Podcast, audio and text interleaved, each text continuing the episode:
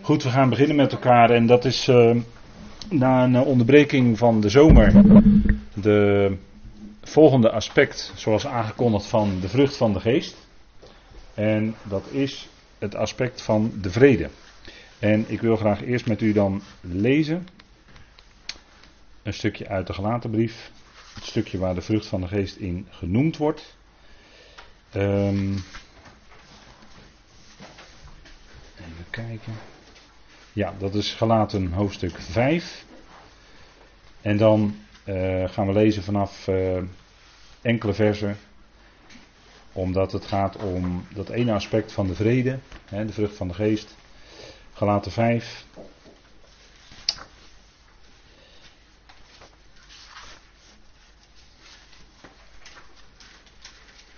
En voordat we met elkaar gaan lezen, wil ik graag eerst met u beginnen met gebed. Trouwens, vader, wij danken u dat we ook vanavond hier weer bij elkaar mogen zijn en dat weer doen rond uw woord, vader. Dank u wel dat we mogen nadenken over die bijzondere brief van de apostel Paulus aan de Galaten. En dank u wel dat we uitvoerig stilstaan bij aspecten van de vrucht van de geest. Vader, die in ons leven groeit. Vader, het is uw geest die dan in ons leven vrucht zet. Dank u wel daarvoor. Dank u wel dat we vanavond zo daarover mogen nadenken. Wilt u ons leiden door uw geest in die waarheid van uw woord. En we danken u, Vader, dat u trouw bent. Dat u ons vasthoudt, dat u ons draagt. En dat u nabij bent, Vader, ook op die plaatsen waar moeilijk is, waar verdriet is, waar moeite is. Dank u wel dat u ook daarin door uw geest en door uw woord vertroosting geeft. Vader, uw geest is immers de trooster aan ons gegeven, in ons hart. Vader, waardoor we rijke troost hebben als we die woorden van u kennen, koesteren en mogen zien wat uw plan uitwerkt. Vader, we danken u daarvoor en wilt u dat geven? Een luisterend oor, een luisterend hart. En ons om te spreken, Vader, mag het zo zijn dat het overkomt en ja, Vader, dat het mag zijn tot opbouwen, tot eer van uw naam. We danken u daarvoor in de machtige naam van uw geliefde zoon. Amen. Goed, ik wilde dan graag met u lezen Galaten 5. En dan lezen wij vanaf vers 22. En dan een stukje door zo tot, vers, tot en met vers 26. En er staat, en ik lees u voor uit de concordante vertaling. De vrucht van de geest is echter liefde, vreugde, vrede, geduld, mildheid, goedheid, geloof, zachtmoedigheid, inhouding. Tegen zulke dingen is de wet niet. Wie nu van Christus Jezus zijn, kruisigen het vlees, tezamen met de hartstochten en de begeerten. Indien wij leven in de geest, volgen wij in de geest ook de grondregels op. Laten wij niet aanmatigend worden, elkaar uitdagend, elkaar benijdend. Tot zover dit gedeelte. En we willen vanavond in bijzonder stilstaan bij dat derde aspect van de vrucht van de geest en dat is vrede. En die vrede, dat is een begrip dat wordt door de wereld vaak ingevuld als, uh, als er nou maar vrede is in de wereld. En dan bedoelt men afwezigheid van oorlog. zo wordt het in de wereld ingevuld als begrip. Vrede is de afwezigheid van oorlog. En tegenwoordig is het eigenlijk heel merkwaardig. Men wil eigenlijk door middel van wapengekletter, door middel van grote legermachten, uh, wil men als het ware de vrede en desgewenst ook de democratie afdwingen. Uh, toch merkwaardig dat je dan vrede wil bewerkstelligen door middel van groot wapengekletter. Hè? Is eigenlijk een beetje vreemd als je erover nadenkt. Maar vrede, zegt men, is de afwezigheid van oorlog. Of je kan ook zeggen, algemeen, het is een toestand van rust. Een toestand van rust. En dan komen we al ietsje dichterbij het Bijbelse begrip, maar dat gaan we natuurlijk nog helemaal invullen. Het Bijbelse begrip is namelijk niet alleen rust, maar dat gaat nog natuurlijk veel verder. En als je daar een definitie van zou willen geven, en die definitie heb ik dan uit de Keyword Concordance gehaald van de Engelse New Testament. En daarachterin heb je een keyword concordance. En als je daarin dan het woord vrede opzoekt, peace, op uh, bladzijde 219, dan vind je daar een definitie van het begrip vrede. En daar wordt dan gezegd, dat is een toestand van stilheid, van kalmte, zonder verstoring of opwinding. En dat is dan eigenlijk het tegenovergestelde, want je moet die begrippen dan altijd tegenover elkaar zetten en dan wordt het gelijk ook veel duidelijker. Dat is het tegenovergestelde van onrust of strijd of uh, een situatie waarin geen orde is. Dan heb je ook geen vrede. Als er geen orde is, is er ook geen vrede. Dus een toestand van stilheid, kalmte, zonder verstoring of opwinding. Dat is eigenlijk wat je dan even in de keyword concordance terugvindt. Dan kent u wel natuurlijk het, het begrip uit het Hebreeuws. Dat is het begrip shalom. dat vinden wij terug in uh, Salomo bijvoorbeeld, koning Salomo, de naam. Maar het begrip shalom, en dat is eigenlijk vanuit het Hebreeuws een heel breed begrip. Als je dat bijbels wil invullen, dan heb je diverse aspecten. daar zit heel wat onder. Uh, je zou kunnen zeggen, je kan het vertalen met vrede inderdaad. Maar het heeft iets te maken met volledig worden. Iets wat nog niet volledig is, dat wordt volkomen. Het heeft ook te maken met iets dat gaaf is. Of een toestand van heelheid. En wij kennen dat wel in ons woord welzijn. Het Engelse, de Engelse Concordant Version van het Oude Testament geeft dan welfare. Het begrip welfare. Nou, in het Engelse begrip zit dan heel veel. En dat is eigenlijk wat het begrip shalom omvat. Welzijn. En een afgeleide daarvan, en als u uh, dit misschien hoort of later naluistert, dan is het misschien goed om daar iets bij aan te tekenen. Want een afgeleide van het begrip shalom, en dat zit dan ook in het Hebreeuwse werkwoord, yeshalam, daarin zit voleindigen, dus dat iets tot een einde wordt gebracht. En dat is dan eigenlijk positief, hè? dat iets positiefs tot een einde wordt gebracht. En de toestand die er dan uit voortvloeit is een toestand van vrede, van rust. Iets dat gereed is. En het heeft ook te maken met, uh, ja, dat, dat, dat zit tegen dat begrip shalom aan, maar dan in het werkwoord, het uh, teruggeven, iets teruggeven. Of iets betalen. Of iets vergelden. Dat lijkt, want vergelden heeft bij ons een hele andere klank. Maar we zullen nog zien dat dat vergelden wel degelijk iets te maken heeft met shalom. Dus dat zijn afgeleiden. Hè? Dat zijn zo begrippen die bij het werkwoord uh, ja, vrede brengen of hè, in het Hebreeuws terugkomen. Nou, dus dat is een heel breed Hebreeuws begrip. En daarin heb je eigenlijk een soort, uh, ja, dan, daarin krijg je toch een behoorlijk idee van wat het, uh, wat het Bijbels betekent. Nou, shalom, hè, welbevinden. Iets welbevinden. Het, het, houdt ook in zich zekerheid. Hè, een situatie van zekerheid, van rust. De Messias zal, en dat, dat gelooft men in Israël, de Messias zal shalom brengen. En dat betekent welzijn, dat betekent rust, dat betekent uh, tot rust zijn gekomen. En uh, over het algemeen, uh, de meeste Joden van het Jodendom, die geloven niet dat Jezus hun Messias is, maar ze zullen nog tot die erkenning komen. Hè, dat is allemaal nog toekomstmuziek. Maar als zij tot de erkenning gaan komen dat hij die teruggekomen is, dat dat degene is die zij doorstoken hadden, Jezus dus, dat dat hun Messias is, als ze dat gaan herkennen als volk, dan breekt voor hen de tijd aan waarin die shalom opgebouwd kan worden. En dat is niet van de een op de andere dag, dat verzeker ik u. Dat zal nog wel even tijd vergen. Hè? Maar als die shalom er eenmaal is, dan zal hij duizend jaar lang die shalom bewaken met een ijzeren roede. En wat wil dat zeggen? Dat wil zeggen, volkeren die tegen Israël in opstand komen, die zullen dan met de Messias te maken krijgen die ogenblikkelijk die opstand tegen Israël de kop in zal drukken. En zo zal hij de shalom voor zijn volk bewaren. Dat is in duizend jaar. Dat is dus niet de volmaakte toestand. Dat denken veel mensen wel. Maar dat is allerminst het geval. Die shalom zal bewaakt moeten worden in het duizend jaar. En dat zal de Heer zelf doen. En dat zullen ook enkele van zijn volk doen. Die zullen hè, die bij die mannelijke zoon horen. Maar goed, dat, uh, daar ga ik niet verder op in, want dat voert te ver de andere kant op. Shalom. En we gaan daar even een tekst uit het Oude Testament van lezen. En dat is uit de profeet Jezaja. Een tekst uit Jezaja 9, een hele bekende tekst. Die uh, ten onrechte altijd in december wordt uh, gelezen.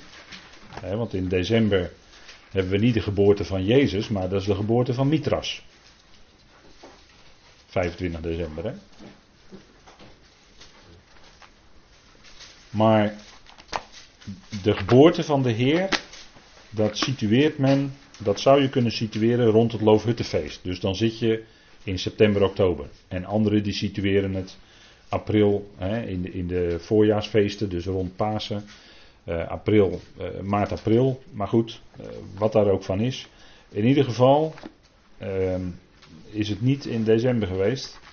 En dat heeft de tegenwerker. ja, nou goed, daar heeft het te tegenwerker. Ik heb al voldoende gezegd. Jezaja 9, vers 5. En er staat, en ik lees u even wat meer naar de grondtekst. Dus u zult dan wel verschillen zien met uw vertaling. Want uw vertaling is heel anders. Want een jongen is ons geboren. Een zoon is ons gegeven. En de heerschappij rust op zijn schouder. En men noemt zijn naam wonderlijk. Raad zal hij aan de meester brengen. En aan de vorst van de toekomst vrede. Daar hebben we hem dus, hè? Shalom. Dus u ziet dat het heel anders is dan in uw vertaling. En dan lees ik nog even vers 6 erbij. En aan de uitbreiding van zijn heerschappij en aan de vrede zal geen einde komen. Op de troon van David en over zijn koninkrijk om het gereed te maken en het te ondersteunen door recht en gerechtigheid. Nu, verder en in de toekomstige eon. Dus dat klinkt heel anders dan uw vertaling. Uh, dus daar moet u dan even goed uh, voor uzelf uh, een aantekening bij maken. Want uh, men heeft dat natuurlijk op een bepaalde manier willen vertalen. Um, kijk, er wordt heel veel gezegd in die profetie. Een jongen is ons geboren, een zoon is ons gegeven. Um, een jongen is ons geboren, dat slaat inderdaad op de Messias die later geboren zou worden. Jezus die later geboren zou worden in Bethlehem. Hè. Een zoon is ons gegeven. En dat heeft eigenlijk meer te maken met zijn opstanding uit de dood. Natuurlijk was hij de zoon van God toen hij op aarde rondwandelde. Natuurlijk was hij de zoon des mensen. Zeker. Alleen hij werd in de volle rechten van het zoonschap gesteld door vader. In zijn opstanding en na zijn opstanding en op grond van zijn opstanding uit de doden. Zoals Petrus op de Pinksterdag zegt, dat God hem en tot Heer en tot Christus heeft gemaakt. Handelingen 2.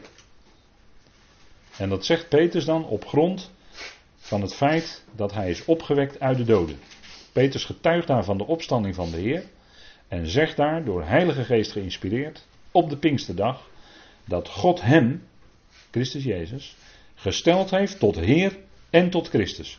Dus in zijn opstanding is hij echt in de volle rechten, in de volle werkelijkheid van het zoonschap gesteld door God. Vandaar dat ik dan zeg, een zoon is ons gegeven, heeft meer te maken met zijn opstanding uit de doden.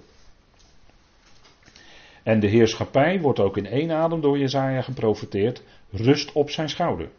Nou, dan ben je gelijk alweer 2000 jaar verder na zijn geboorte, want dat zal pas plaatsvinden in de duizend jaar.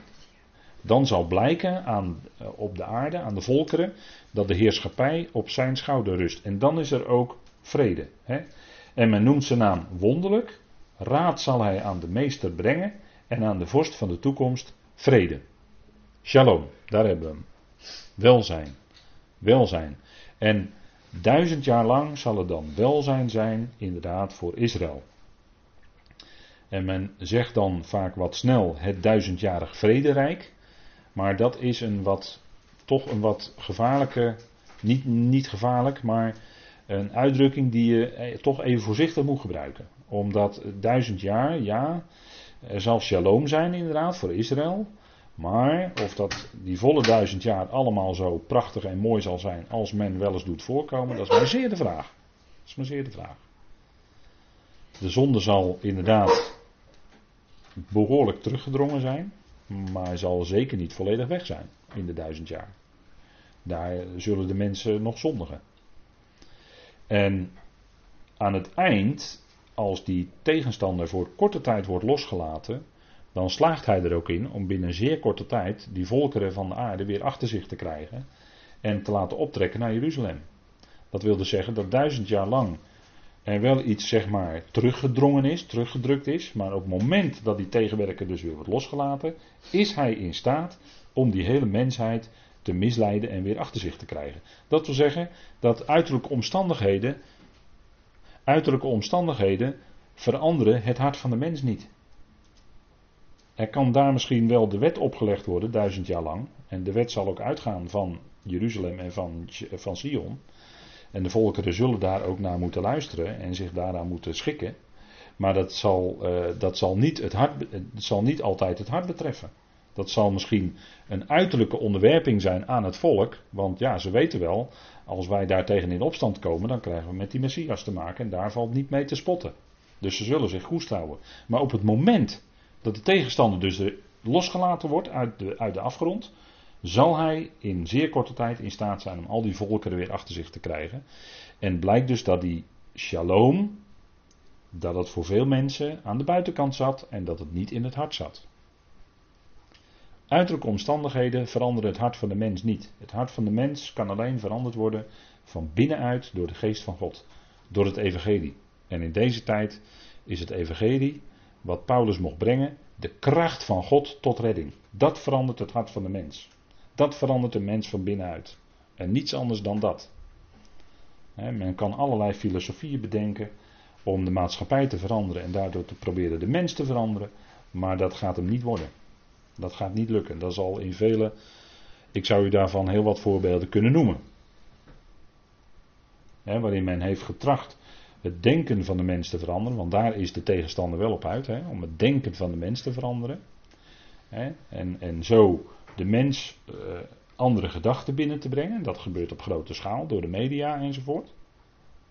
Dat de media, dan zeg ik u niks te veel, de media van de wereld zijn volledig in handen van de tegenstander. Dan zeg ik u niks te veel, denk ik. En ik heb uh, vorige week woensdag op de toelessingsavond gezegd dat als je, en noem ik even muziek, hè, heel belangrijk, want veel jongeren die zijn met muziek bezig. Hè, en uh, als je in Amerika succes wil hebben in de muziekindustrie, dan lig je aan de ketting, heb ik toen gezegd, dat herhaal ik dus nu, aan de ketting bij de tegenstander. En dan zeg ik niks te veel. En als u denkt dat het niet zo'n vaart zal lopen, dan wil ik graag met u erover praten, dan zal ik het u laten zien. Want dat is allemaal aantoonbaar. Maar dat is dus aan de hand. En men wordt dan gebracht in slavernij. Op allerlei mogelijke manieren. Maar dat is waar de tegenstander op uit is. Om ons te brengen in diepere slavernij aan de zonde. En dat is wat de media prediken. Die prediken niet goed nieuws, die prediken de zonde. Dat wordt aan alle kanten uitgedragen. Als je als, je als gelovige kijkt naar een, een, een standaard film, een gewone film, dan moet je in die filmers gaan optellen wat allemaal van God afwijkt. Nou, ik denk dat je binnen 10 minuten al een aardig lijstje hebt. Nou, dat is dus alleen maar, en dat wordt alleen maar sterker. Hè? Dus dat, dat is wat de tegenwerker aan het doen is. Dus daarmee wil ik zeggen dus dat uiterlijke omstandigheden, hoe ideaal ook, die kunnen de mens niet veranderen. Hè? En ook die uh, mensen die op de vlucht zijn en uh, naar andere landen vluchten en denken dat ze daar beter krijgen, dat denken ze, maar ze hebben niet door dat misschien dan wel die uiterlijke omstandigheden wat rustiger zijn, maar het zal het hart van die mens zeker niet veranderen. Absoluut niet. Ook al zijn ze in een andere maatschappij beland, waar misschien wat meer welvaart is. Maar is welvaart dan hetgeen wat zo geweldig is? Welvaart leidt mensen vaak af van het evangelie. Als mensen het goed hebben, dan hebben ze het evangelie niet zo hard nodig. En dan, dan gaan gelovigen ook uh, soms achteroverleunen van ze vinden het allemaal wel best. als het ze naar de vlezen goed gaat, vinden ze het allemaal wel best. Maar het punt is dat alleen het evangelie kracht van God is tot redding. Tot redding nu, vandaag, in uw dagelijks leven. Redding van de zonde, redding van de misleiding, redding van dat wat je neertrekt. Dat kan alleen het evangelie. Goed, het toekomstige rijk van Israël is een rijk van vrede, hè, van shalom. Dat klopt. En dat kunnen we met vele teksten natuurlijk laten zien. Ehm, onder andere uit de profeet Jezaja, daar hebben we al iets van gelezen. En ik wil nog een enkele tekst met u lezen. Ik zal u een aantal tekstverwijzingen meegeven, die u nog eens kunt naslaan. Waarin gesproken wordt over het rijk van Shalom, wat zal komen onder de Messias. Um, dat is Jezaja 2 vers 4, dat wil ik even met u gaan lezen. En u kunt dat terugvinden in Jezaja 32 vers 18. Jezaja 54 vers 10. En ook in Ezekiel. Het is maar een greep hoor, er zijn meer teksten. Maar dit zijn er een aantal. Ezekiel 34 vers 25. En Ezekiel 37 vers 26. En daar wordt ook dat begrip shalom dan gebruikt. Ik ga even met u lezen Jezaja 2 vers 4.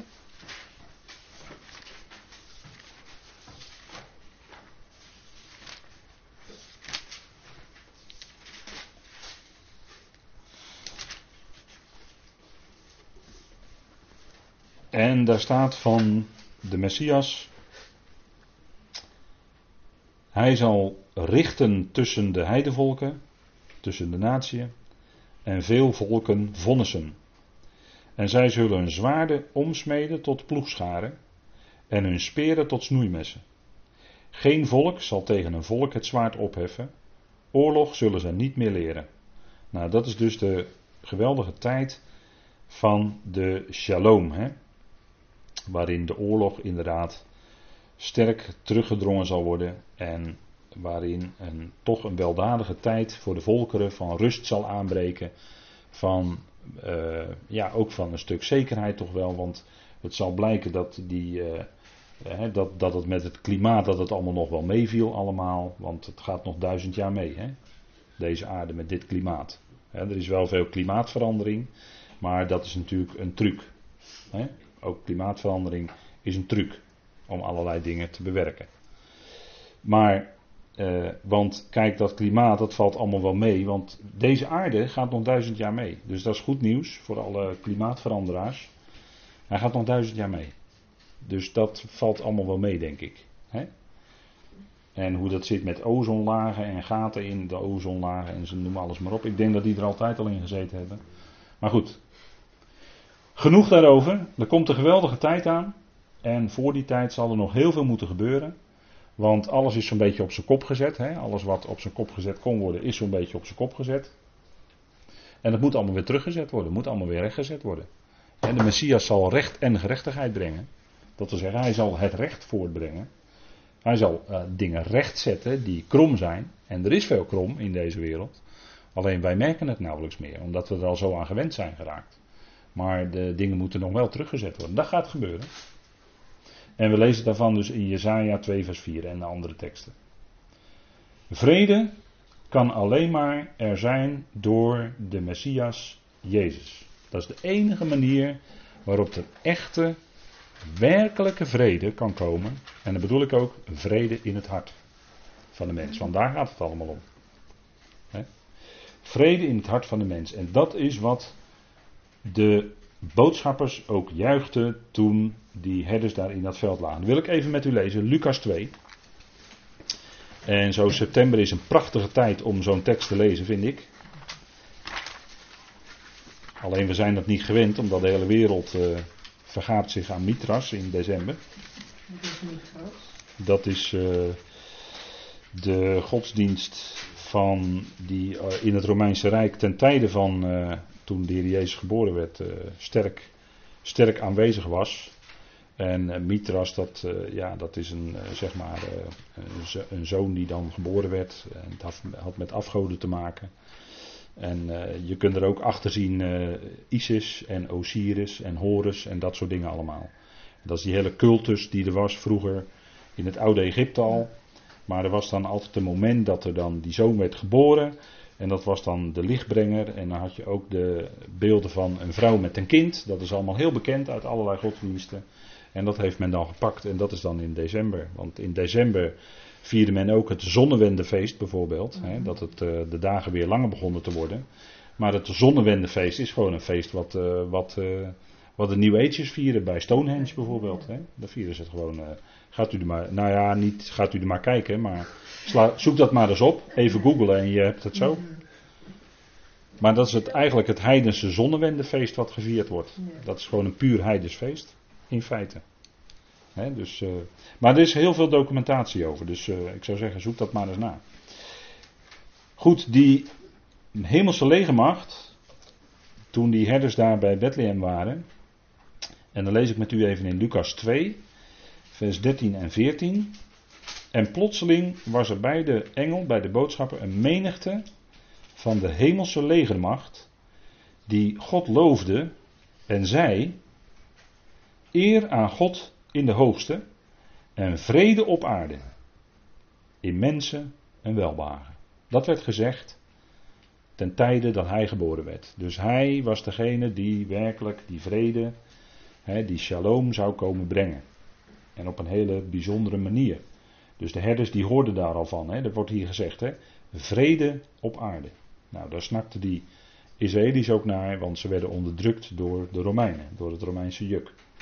Dus zij snakte naar vrede. En dat mensen vandaag de dag snakken nog steeds naar vrede. Hè?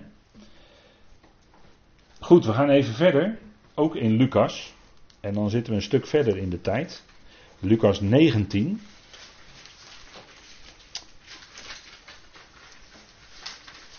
Lucas 19. En dat is die bekende geschiedenis van wat wij kennen als de intocht in Jeruzalem waarvan het nog maar heel even de vraag is of het een echte intocht in Jeruzalem was, heel letterlijk. Maar goed, dat is even een heel ander punt. Hij reed over de Olijfberg. En we lezen dan in Lucas 19, vers 37. En toen hij reeds dicht bij de helling van de Olijfberg was gekomen, begon de hele menigte van de discipelen zich te verblijden en God met luide stem en, en God met luide stem te loven om alle machtige daden die zij gezien hadden. En ze zeiden: Gezegend is de koning die daar komt in de naam van de Heer. Vrede in de hemel en heerlijkheid in de hoogste. Dus hier hebt u opnieuw, u ziet het, hè, wat zij roepen daar. Gezegend is hij die daar komt in de naam van de Heer, hè, Psalm 118. En dan vrede in de hemelen. En dat is natuurlijk iets dat al in Lucas 2 had geklonken. En heerlijkheid in de hoogste. Dat riepen zij uit. Hè? Ze loofden God daarbij. En ze wisten dat hij de Messias was. op dat moment vermoeden ze iets dat hij die koning was, dat hij die Messias zou zijn die hen zou verlossen. Maar het zou toch heel anders uitpakken. Opnieuw die roep om vrede. En dan gaan we even met de Heer, met zijn discipelen in die opperzaal naar Johannes 14.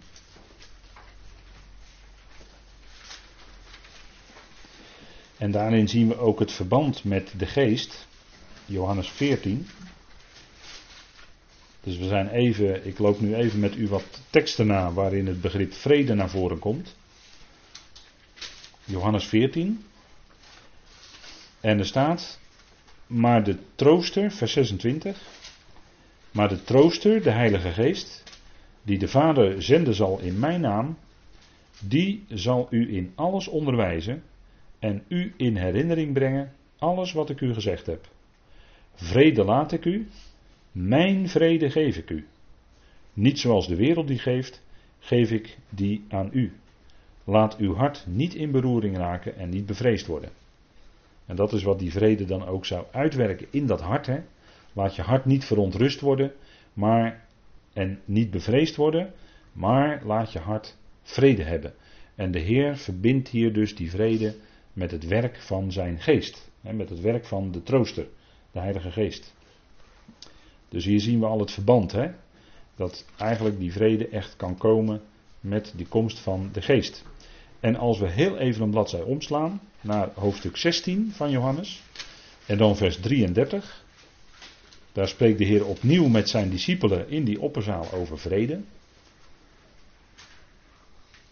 En er staat, Johannes 16, vers 33. Deze dingen heb ik tot jullie gesproken, opdat jullie in mij vrede zullen hebben. In de wereld zullen jullie verdrukking hebben, maar heb goede moed. Ik heb de wereld overwonnen. Nou, dat is de belofte die de discipelen meekrijgen. En die vrede is dus alleen in hem. Hè. Hij zegt: Ik ben het die jullie die vrede geeft. Hij is diegene die alleen maar echte waarde vrede kan geven. Hè, opdat jullie in mij vrede zullen hebben. En de discipelen die konden ook in de dag van de opstanding die vrede verkondigen. Hè, de opstanding verkondigen. Ze hadden daar volle moed voor om dat te doen in het openbaar. En dat was natuurlijk die geest die hen daarvoor de vrijmoedigheid gaf. En ook de vrede in het hart. En dan als het gaat om werkelijke vrede zoals die nu gepredikt wordt. Hè, want we hadden het net over discipelen, maar dat is de boodschap natuurlijk voor de besnijdenis. En dat is dan nog eigenlijk beperkt. Maar de echte diepgaande vrede geeft God, en dat natuurlijk door zijn zoon, en dat lezen we in Colossense 1. En dan zitten we eigenlijk gelijk midden in het evangelie, wat nu deze tijd moet klinken. En dat is het evangelie van de vrede, zou je kunnen zeggen. Het evangelie van de vrede. Colossense 1. En dat zijn geweldige woorden. En dan lezen we even met elkaar, in, ik lees u weer in de concordante tekst. Colossense 1. En dan even vanaf vers 18. En er staat, en hij, dat is de zoon van zijn liefde, is het hoofd van het lichaam, de uitgeroepen gemeente, die de soeverein is, de eerstgeborene uit de doden, opdat hij in alles de eerste wordt. Want het hele complement heeft er welbehagen in om in hem te wonen en door hem het al wederzijds met zichzelf te verzoenen vredemakend door het bloed van zijn kruis, door hem, het zij wat op de aarde, het zij wat in de hemelen is. Geweldige woorden, hè? Dit is een geweldig evangelie wat hier staat. Want dit is Gods werk. Hier staat dat door hem, dat is dus door de zoon van zijn liefde, die genoemd wordt de eerstgeborene uit de doden. Dat wil zeggen, de eerste die werd opgewekt uit de doden om niet meer te sterven. Dus daarin is hij de eerste, want er staat ook bij, opdat hij in alles de eerste wordt. Hij is in alles de eerste. Hij is de eerste in de schepping, hij is de eerstgeborene van heel de schepping. Dus daarin is hij de eerste. En hij is de eerstgeborene uit de doden. En daardoor is hij in alles de eerste geworden. En de eerste, daarmee wordt ook bedoeld de hoogste. Want hij was voor alles. Dus God heeft hem eerst geschapen, om het zo maar te zeggen. Hij is voor alles. En in hem, in hem, is het al geschapen wat in de hemel en wat op de aarde is. Dus hij is echt de eerste van alles. En daardoor ook de hoogste.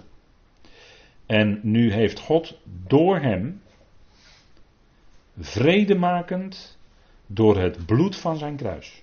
Wat betekent dat? Dat door het enorme diepe lijden, want daar spreekt het bloed van, het bloed van zijn kruis, dat is een speciale uitdrukking die alleen hier in Colossense 1 vers 20 wordt gebruikt en nergens anders in de schrift. Het bloed van zijn kruis, dat, dat betekent dat zijn lijden en sterven op een hele schandelijke manier gebeurde. Hij werd namelijk terechtgesteld als was hij een misdadiger. En hij heeft enorm geleden. En dat heeft hem ook zijn bloed gekost. Door dat diepe lijden aan het kruis, door zijn dood, die smadelijke dood die hij daar stierf, daardoor heeft God vrede gemaakt. Dat staat hier. Hè? Vredemakend, dat is niet Uh, dat, dat is echt iets wat God daardoor bewerkte. Hè? Vredemakend door het bloed van zijn kruis. En als je daarachter wil zien het bloed van al die stieren en bokken die in al die tijd waren geslacht, dan zeg ik akkoord, want dat waren allemaal heenwijzingen naar het bloed van hem die op het kruis een smadelijke dood is ondergaan. En door dit bloed, want dit was het ware bloed waar het om ging, het bloed van zijn kruis, heeft God vrede gemaakt. Waarom? Omdat door dat werk wat hij daar deed, die zonde definitief werd weggedaan. En dan zitten we eigenlijk ook, en wat ik al eerder even noemde, dan zitten we eigenlijk ook met dat begrip vergelden. Want wat betekent vergelden? Vergelden heeft te maken met dat begrip shalom, heeft te maken met dat begrip tot vrede brengen. En daarmee werd in één keer die hele zonde op hem gelegd. En daardoor heeft God eigenlijk door een zonde, want het feit dat hij gekruisigd werd door menshanden en hij was de zondeloze, dat was eigenlijk een enorme zondige daad. En door die zonde doet God de zonde in één keer weg. En zo is er vrede gemaakt.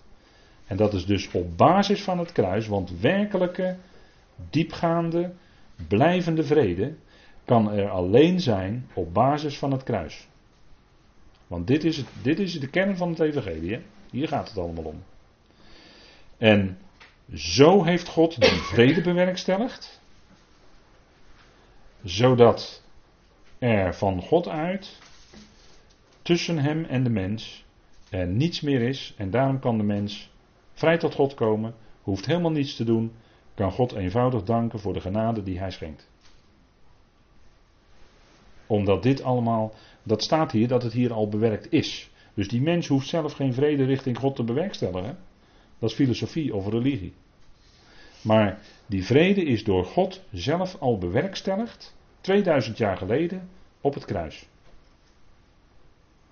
En dit is de enige werkelijke, ware basis voor vrede. En zo werden in één keer, en zeker vanuit God, al die vijanden en al die vijandschap verzoend. En zo zullen als uitwerking van het kruis alle vijanden verzoend worden, zullen vrienden worden uiteindelijk. En zal alle vijandschap uit de schepping ook verwijderd worden. Om nooit meer terug te keren. En dat is allemaal op het kruis. In feite is het al gebeurd. En wat daarna gebeurt is alleen maar een uitwerking, of alleen maar is een verkeerde uitdrukking, maar is alleen een uitwerking van het kruis. Dat er vrede is gemaakt in het bloed of door het bloed van zijn kruis. En dan staat er door hem. En wat is er dan gebeurd? En dat staat ook in vers 20. En dat er dus door hem het al, daarom zei ik net, het is al gebeurd. Door hem het al, dus dat is alles, wederzijds met zichzelf te verzoenen. En dat is een feit. Dat staat hier als een feit hè, in de aorist, als een feit. Wat niet aan tijd gebonden is. Maar daar op Golgotha is het gebeurd. Dat is een feit. Dat is niet meer terug te draaien. Kan ook niet. En de rest daarvan is een uitwerking van Golgotha. Is een uitwerking van wat daar gebeurd is. En daar mogen we God van harte voor danken natuurlijk. Want het is heel bijzonder. Wat hier staat. Hè? En dit is iets voor ons hart om te geloven. dit, is niet wat je, dit is niet kennis voor ons hoofd. Dit is een weten in geloof in je hart. En als je dit beseft, hè, als die vrede dan indaalt in je hart, om het zo maar te zeggen, dan kun je van daaruit ook, omdat je beseft dat God sindsdien aan de wereld vrede predikt, want dat zouden we prediken, niet alleen met onze woorden, maar ook zeker in onze houding. Vrede bewaren, in vrede zijn met alle mensen. Dat is wat dan de uitwerking van het evangelie is in ons praktische leven. Dat wij vrede houden met alle mensen. Ja, maar als we nou vijandig bejegend worden, vrede bewaren. Voor zover het van ons afhangt. En als er vijanden zijn, Als we vijandig bejegend worden, wat, wat doe je met vijanden? Die, daar, daar moet je vurige kolen op het hoofd hopen. Hoe doe je dat? Door je vijand, als hij dorst heeft, te drinken te geven. Door je vijand, u hoort het goed hè, door je vijand, als hij de honger heeft, te eten te geven. Zo doe je dat. Dus niet vijandschap terugbetalen met dezelfde vijandschap, want dan ben je geen plaatje van het evangelie. Dan draag je niet tevreden uit. Als jij vijandschap beantwoordt met vijandschap, dus kwaad met kwaad vergeldt, dan draag je niet het evangelie uit op hetzelfde moment. Maar iets anders. Misschien jezelf, je eigen vlees. Maar het gaat om de vrede die God in ons hart geeft en die ook uitwerken in ons gedrag. Dat is eigenlijk, dat is eigenlijk wat wij in de brieven van Paulus ook leren. Om zo vanuit die vrede te leven. En als je zo uit die vrede stap voor stap leert leven, dan ga je ontdekken dat het in je hart ook heel vredig is. En dat het ook de weg is die daadwerkelijk die vrede bevordert en vermeerdert. Ja? Dus dit is eigenlijk de kern hè, waar het allemaal om draait. Dit is het evangelie wat in deze tijd zou klinken. Een andere evangelie of een andere, al, al, wat anders als goed bericht of goed nieuws wordt aangediend, dat, dat is het eigenlijk niet. Want veelal merk je dan dat men eh, predikt dat als ja, maar als je niet gelooft, uiteindelijk ga je toch voor eeuwig verloren. Of, uh, ga, of word je toch uiteindelijk vernietigd en ben je er niet meer. Maar dat is niet het evangelie hoor. Het evangelie is dit wat hier staat. En het al, wat hier in Colossense 1 vers 20 staat, is onbeperkt. Dat is niet beperkt tot de gelovigen, of tot degenen die nu verzoend zijn. Maar dat, dat breidt zich uit over heel de schepping. Dat is de context. De context is hier heel de schepping. Zie maar vers 15 en 16. Dat is de context, dat is het tekstverband hier. Dus dat is onmiskenbaar. En ieder die het ontkent, ja, die, die heeft dat zicht nog niet, helaas. Jammer. Maar die heeft dat zicht nog niet. en dat is genade dat wij, dat u en ik, dit hebben mogen verstaan. En daar iets van mogen begrijpen. En God dat in ons hart geeft.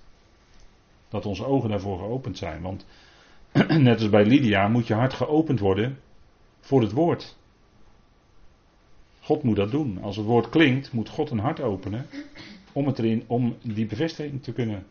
En God werkt dan ook dat geloof uit in dat hart. En, en dat is het punt, hè. Nou, God geeft dat aan ons. Dat is fantastisch. Goed, we gaan even dan kijken wat we in de brieven van Paulus over dat begrip vrede kunnen terugvinden. En dan gaan we eerst naar een geweldige tekst. Ik vind dat dat een bijzonder fijn woord. Dat is uit Romeinen 5. En u kent dat wel. En eigenlijk is dat een woord wat je ook midden in de nacht als je wakker wordt. Als dat direct in je gedachten is, is dat heel fijn. Uh, Romeinen 5. En dan heeft er al heel wat evangelie geklonken hoor. Maar dan gaan we in Romeinen 5, gaat Paulus dus toe naar het geheimenis van het evangelie. Want het evangelie van God was al bekend, hè, was al iets van bekend in de schriften. Maar het geheimenis van het evangelie, dat was niet bekend. En dat maakt Paulus bekend vanaf Romeinen 5. En dat heeft te maken, alles te maken met die vrede. En er staat in Romeinen 5 vers 1, wij dan, gerechtvaardigd uit geloof, en dan weten wij dat het gaat om het geloof van Jezus Christus. Want dat heeft in de voorgaande hoofdstukken geklonken. Romeinen 3, vers 22 en 26. Het geloof van Jezus Christus. Wij dan gerechtvaardigd uit geloof hebben vrede bij God, dus naar God toe, door onze Heer Jezus Christus. Dat is geweldig, hè? Wij weten gerechtvaardigd te zijn uit geloof. En op grond daarvan hebben wij vrede naar God toe door onze Heer Jezus Christus. En dan vinden wij ook verderop in dit hoofdstuk in vers 10, als het gaat om vijanden, en wij waren dat. Er staat, want als wij toen wij vijanden waren, met God verzoend zijn door de dood van zijn zoon, en dat is uh, dezelfde gedachte als in Colossens 1, hè, verzoend door de dood van zijn zoon, die dingen horen bij elkaar. Hè, we zijn gerechtvaardigd in zijn bloed, maar we zijn verzoend door zijn dood. Door de dood van de zoon. We zijn gerechtvaardigd in het bloed van Christus. En we zijn verzoend met God door de dood van de zoon. Dat zijn twee verschillende lijnen van waarheid. Het is allebei waar. Het is allebei geweldig. Alleen hier gaat het om verzoening. En dat wil zeggen dat alle vijandschap doorwerkt, eh, verdrijft God eigenlijk uit ons leven. Als wij tot het inzicht komen dat Hij voor ons stierf. En niet alleen dat, maar dat Hij door de dood is gegaan om ons met God te verzoenen. Wij hadden verzoening nodig, God niet. Wij hadden verzoening nodig. God had altijd lief. Alleen er zat altijd iets tussen. En God heeft nu al die barrières weggehaald, zodat wij vrij tot God konden naderen. En dat kunnen wij nu. We hebben vrijmoedigheid door zijn geloof, staat er. Hè? De vrijmoedigheid, volle vrijmoedigheid door zijn geloof. Maar we hebben vrije toegang tot de Vader. Waarom? Omdat we verzoend zijn met God door de dood van zijn zoon. God verzoent de wereld met zichzelf. God verzoent vijanden met zichzelf. God verzoende ons met zichzelf. Hoe? Door de dood van de zoon. En hoeveel te meer zullen wij gered worden in zijn leven, staat er, zijn, staat er dan, omdat wij verzoend zijn. door die verzoening. Nou, dat is geweldig, hè? Er is dus niets tussen ons en God. Er is niets tussen God en ons. Helemaal niets. En daarom hebben we altijd volle vrijmoedigheid om bij Vader te komen. Wat er ook gebeurd is. En je kan misschien wel op een dag denken van, eh, nou, ik, ik, heb, uh, ik heb het helemaal verkeerd gedaan deze dag. Ik ben helemaal niet uh, goed omgegaan met mijn medemensen of wat dan ook. Maar dat belemmert niet om dan toch vrij tot God te naderen, want er is geen enkele belemmering. En we kunnen daar vrij met God over spreken. God hoort ons. En hij heeft ons lief. En hij weet wat in ons omgaat. En hij troost en bemoedigt ons. En geeft ons wat nodig is als het moeilijk is. En juist als het moeilijk is, juist als je gedachten misschien met je op de loop gaan, en dat kan zo snel gebeuren bij ons mensen, dan zou je juist iets weer uit zijn woord erbij kunnen pakken en het lezen. En dan zeg je misschien na één keer lezen een paar versen, het dringt helemaal niet op me door. Ga ze dan nog een keer lezen. En nog een keer. En nog een keer misschien. Totdat die woorden dan gaan doordringen, de betekenis ervan. Want het geweldige is dat de geest van God werkt door zijn woord. En nergens anders door. De geest van God werkt door het woord. De geest van God, en dan praten we dus over geestelijke zaken. Kijk, en daarom zei ik al eerder vanavond, werkelijke verandering van het hart van binnen kan alleen maar bewerkstelligd worden door God, door Gods geest. En hoe kun je nu jezelf leren kennen? Dat is door te gaan kijken wat God over je zegt. want als je op een gegeven moment misschien na zit te denken over wie ben ik, of wat is nou mijn identiteit, eh, dat, dat is een woord dat dan wel eens gebruikt wordt. Wat is nou mijn identiteit? Nou, mijn identiteit is dat ik een gelovige ben in Christus Jezus. Dat is mijn identiteit. Het is niet meer ik, maar Christus leeft in mij. Dat is mijn identiteit. Dat ben ik. Niet meer ik. Galaten 2 vers 20, we hebben het bestudeerd hè. Niet meer ik. Maar Christus leeft in mij. En hoe wij dan leven, nou, wij leven dan door het geloof van de Zoon van God. En hij, God geeft datzelfde geloof, wat ook in de Zoon was en is, datzelfde geloof geeft hij ook in ons. En zo kunnen we leven. Niet in eigen kracht, natuurlijk, maar in de kracht die hij geeft. En het punt is van, als mensen zich dus afvragen van, wat is nou mijn identiteit? Nou, dit is het. Je bent gelovige. En dat is heerlijk, want je bent in Christus Jezus. Je bent in Hem, een nieuwe schepping. Dat is je identiteit. Maar dan kijk je geestelijk. en, en als je een, een trapje lager gaat, dat zeg ik heel bewust zo. Als je een trapje lager gaat in de ziel, ja, dan kan je natuurlijk een heleboel dingen gaan noemen. het gezin waarin je geboren bent, de ouders, je erfelijkheid, dingen die je hebt meegemaakt, fijne dingen, hele moeilijke dingen, eh, noem maar op. Ja, dat, dat zijn allemaal onderdelen die in jouw leven een rol spelen. En dan kun je zeggen, ja, die maken tot wat je nu bent als mens, maar dan ben je wel bezig in de ziel te kijken. Beseft u dat dan wel, hè? Dan ben je wel bezig in de ziel te kijken, alleen. Maar als we een stapje verder gaan, dan, en hoger dus, en we kijken in het evangelie, dan is uw, jouw en mijn identiteit dat wij gelovigen zijn, dat wij dus in Christus zijn en dat Hij in ons is. Het is niet meer ik, maar Christus. Dat is ons nieuwe ik. En dat wil in ons, hè, die geest wil in ons, dat leven ook uitleven. En dat kan ertoe leiden dat je tot een, tot een punt komt dat je zegt van ja, maar Heer, nu wil ik mijn lichaam stellen tot een levend, heilig en u welgevallen offer. Nu wil ik de, al de leden van mijn lichaam stellen in uw dienst. Ten dienste van u. Doet u maar mee wat u wilt. En ik garandeer u, als u dat doet, dan gaat hij dat doen ook. Dan gaat u u gebruiken. Dan gaat u jou en mij ook gebruiken. Dat, dat is, zo werkt het evangelie. Hè? Nou, wij dan, gerechtvaardigd uit geloven, geweldige fijne woorden uit Romeinen 5 vers 1. Ik vind die woorden moet je in goud eigenlijk opschrijven. Want dat is geweldig evangelie. Hebben vrede naar God toe door onze Heer Jezus Christus. En de bron van alle vrede is natuurlijk God. De bron van alle vrede is altijd God. Die ons plaatst. Hè? God is de plaatser. Ja, dat woord God, dat is nu eenmaal, daar zijn we zo aan gewend. Maar je moet eigenlijk altijd denken plaatser. Hij is de plaatstoewijzer of de onderschikker. Dat is, dat is eigenlijk het juiste invulling van het begrip God voor ons. Want anders kan het natuurlijk in de wereld kan het van alles zijn. Maar kijk, de bron van de vrede. En dat vinden wij ook in het Evangelie. In Romeinen 15 staat dat. Dat hij de bron is. Romeinen 15 en dan vers 33.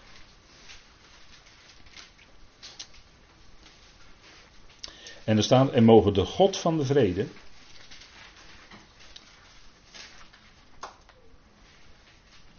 En mogen de God van de vrede met u allen zijn. Amen. En daar sluit Paulus dan een bepaald stukje mee af. Maar hij is dus de bron, hij is de God van de vrede. En dat, dat vinden wij niet alleen in uh, Romeinen 15, vers 33, maar we vinden dat ook in 1 Thessalonicense 5, vers 23. Ik noem het maar even. Maar u kunt het altijd eh, later weer uh, nalezen op de, op de PowerPoint. En dat staat ook in Filippenzen 4, vers 9. De God van de vrede zijn met jullie. Dus daar vinden we drie keer in de brieven van Paulus. De God van de vrede. Hij is de bron. En dat hebben we al gezien in Colossense. En dan is vrede natuurlijk de vrucht van de geest. Hè? Daar denken we vanavond dan over na. Het is de gezindheid van de geest, vrede. Gaan we even nog snel door naar een andere. De gezindheid van de geest is leven en vrede. Dus daar waar mensen, en dat gebeurt onder gelovigen ook, daar waar mensen onrust stoken, dan zou je kunnen zeggen dat is niet de gezindheid van de geest, want de geest, de gezindheid van de geest is leven en vrede. Dus dat zou onze gezindheid zijn, onze houding bepalen. En onze houding als gelovige is er dus een van leven en van vrede. Dus daar waar je onrust stookt, dan eh, ben je niet bezig in die gezindheid, zou je kunnen zeggen. Heb je niet, op dat moment ben je niet bezig in die gezindheid. En dan ben je bezig vanuit iets anders. Wat dat dan ook maar is. Kan vlees zijn.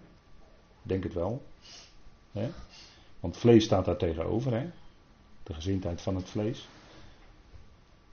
Maar de gezindheid van de geest is leven en vrede. En als dat in je leven zichtbaar wordt en uh, jij bent iemand die op de plek waar je bent uh, dat, dat uit, hè? een stukje vrede, ondanks de omstandigheden die misschien alle aanleiding zouden kunnen geven tot conflict. Dat, kun, dat kan zomaar gebeuren in allerlei situaties. Maar het kan ook best zijn dat jij dan in die omstandigheden, dat jij degene bent, dat u degene bent of ik, die dan die vrede ademt. En die rust. En dat leven. Dat is de gezindheid van de geest. En bedenk even dat de brieven van Paulus, en dat is toch wel bijzonder, maar ook de andere brieven, die zeggen dat ook hoor, maar de brieven van Paulus, en dan heeft het een bijzondere inhoud, die beginnen steeds met genade en vrede voor jullie. Dus we zien eigenlijk in elke brief, overal waar Paulus gaat schrijven, zien we steeds die aanhef genade en vrede voor jullie. En dat is voor ons de inhoud van het evangelie in feite in een notendop. Hè. Genade kun je denken aan de rechtvaardiging en vrede aan de verzoening. Genade en vrede voor jullie van God de Vader. Nou, alsjeblieft. En dan voor, ons, voor onze houding, want ik had het net over de gezindheid van de geest. Maar dat vinden wij terug in Romeinen 12. En ik weet wel dat ik wat snel misschien er doorheen ga, maar ik wil u toch graag wat dingen meegeven. Rondom dat begrip vrede. En hoe dat dan uitwerkt ook in de praktijk. Hè? En in Romeinen 12, vers 18 staat, en dat is eigenlijk iets dat, uh, ja, dat uitgaat van het kruis, hè? dat uitgaat van Golgotha. Die vrede die daar gemaakt is door God. Hè? Hoe uitzicht dat nou door ons heen? Nou, dat zegt Romein 12, vers 18. En daar staat: Wees in vrede met alle mensen. Wreek uzelf niet, geliefden, maar geef plaats aan de verontwaardiging. En bij u staat er dan in uw tekst toren, maar als het gaat om Gods. Uh, als het gaat om God, dan spreken we van verontwaardiging. Want er staat geschreven: Mij de wraak, ik zal het vergelden, zegt de Heer. Dus misschien uh, heb je als mens, en dat zit in ieder mens, als je een stuk onrecht is aangedaan, dat je de neiging hebt om dat te willen terugbetalen, om je te wreken, hè, zoals we dat dan zeggen. Maar het Evangelie geeft ons aan, hè, Paulus geeft ons aan, wees in vrede met alle mensen, want dat is het Evangelie. Wreek uzelf niet, geliefden, maar geef plaats aan de verontwaardiging. Laat het aan God over. Want er staat geschreven, mij de wraak, ik zal het vergelden. En dan gaat het even te ver om dieper in te gaan op het woord wraak, maar dat is niet wraak zoals wij dat uh, zien. En dit is een aanhaling uit Deuteronomium 32, vers 35. En dat woord vergelden, daar wil ik u even op wijzen. Dat is wel bijzonder. Want het woord vergelden is eigenlijk ten diepste, als je het, want daar zit het begrip shalom in. Dat woord vergelden is ten diepste tot vrede brengen. Dat is eigenlijk vergelden. Je zou kunnen zeggen, er is, dingen zijn uit hun evenwicht geraakt. Er is onbalans gekomen. En nu moet die balans als het ware weer hersteld worden. Dat is even een eenvoudig voorbeeld. Maar dat is in feite wat gebeurd is op Golgotha. Er was een enorme onbalans gekomen in die schepping door de zonde, door het kwaad. En op Golgotha is dat in feite al hersteld. En daarom wordt daar ook van vrede gesproken, hij die vrede maakt. Dat, daar zit ook in dat begrip vergelden, in feite. Vanuit, vanuit de grondtekst. Hè? Dat begrip vergelden zit daarachter. Ook. Want dat is eigenlijk de, hè, is eigenlijk de vergelding, zou je kunnen zeggen, die God deed.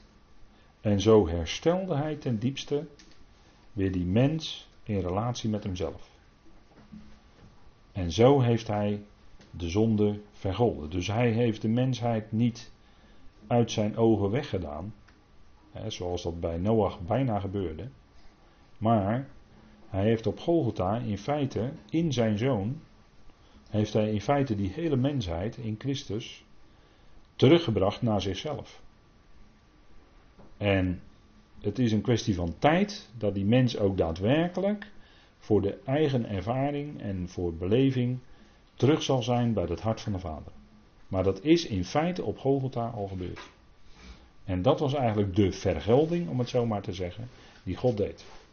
Nou, dat woord vergelden, dat vindt u ook terug in Psalm 62, vers 13 en Jezaja 59, vers 18.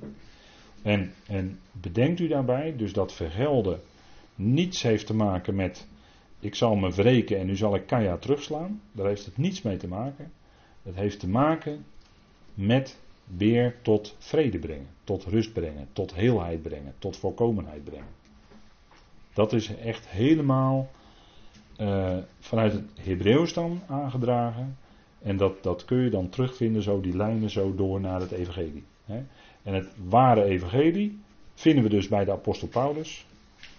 Maar nergens anders in de schrift dan alleen bij Paulus wordt zo duidelijk gesproken over de uitwerking en de diepe betekenis van het kruis. dat kun je nergens anders terugvinden.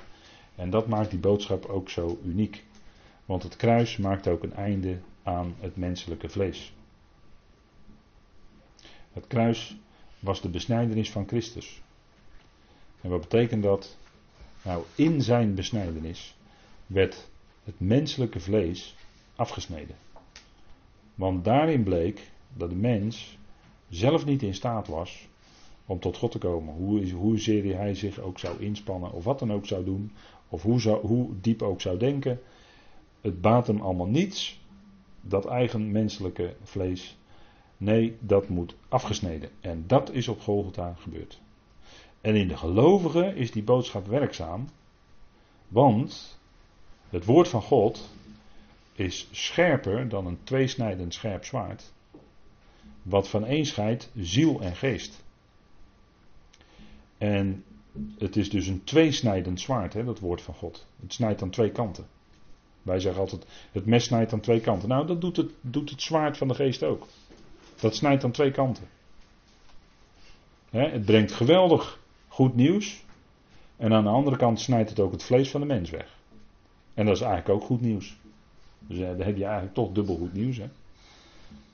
En het laat zien die grootheid en heerlijkheid van God. Want dat wil ik weten. Hè? Als, als, je, als je als gelovige bij elkaar komt, dan wil je met elkaar je verheugen in die grote God, in wie Hij is, en wil je Hem dieper leren kennen. Daarvoor kom je bij elkaar als gelovigen. En daarvoor open je met elkaar de schrift. Dat die grootheid en heerlijkheid van God en van zijn Zoon zichtbaar en dieper uh, kenbaar, hè, dieper in je hart komt. En je daar meer van overtuigd raakt. Nou.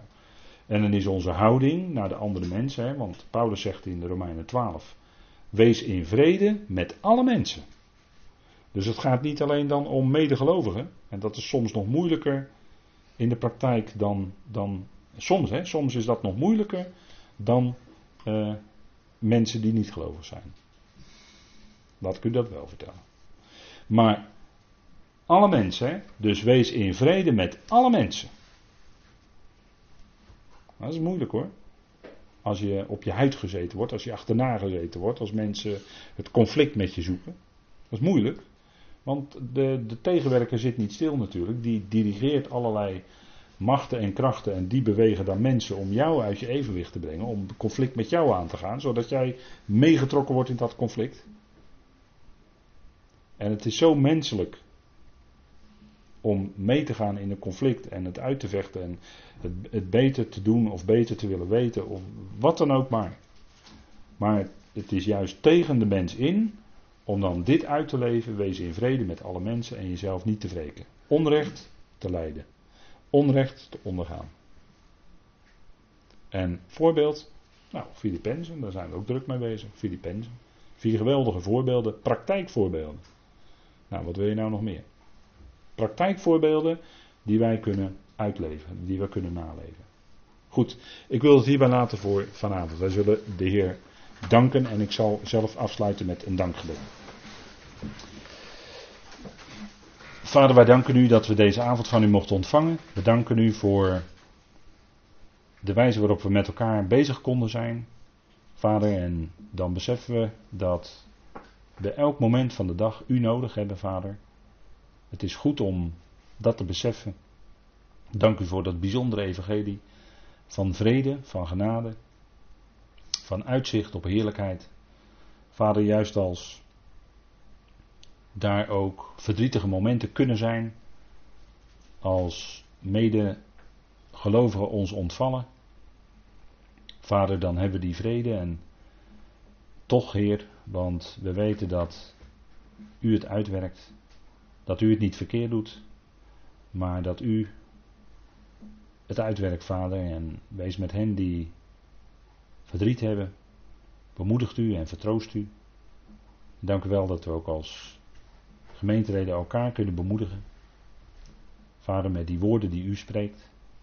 Dank u wel dat we zo, Vader, ook vanavond een moment stil konden staan bij dat bijzondere aspect van de vrucht van uw geest. Vader, u doet het en u werkt het uit in ons. Dank u wel, Vader, voor deze avond dat we zo bij elkaar mochten zijn. Dank u wel dat we mogen bidden voor de komende dagen. Wees ons genadig nabij in alles wat de komende dagen wacht, zal gebeuren.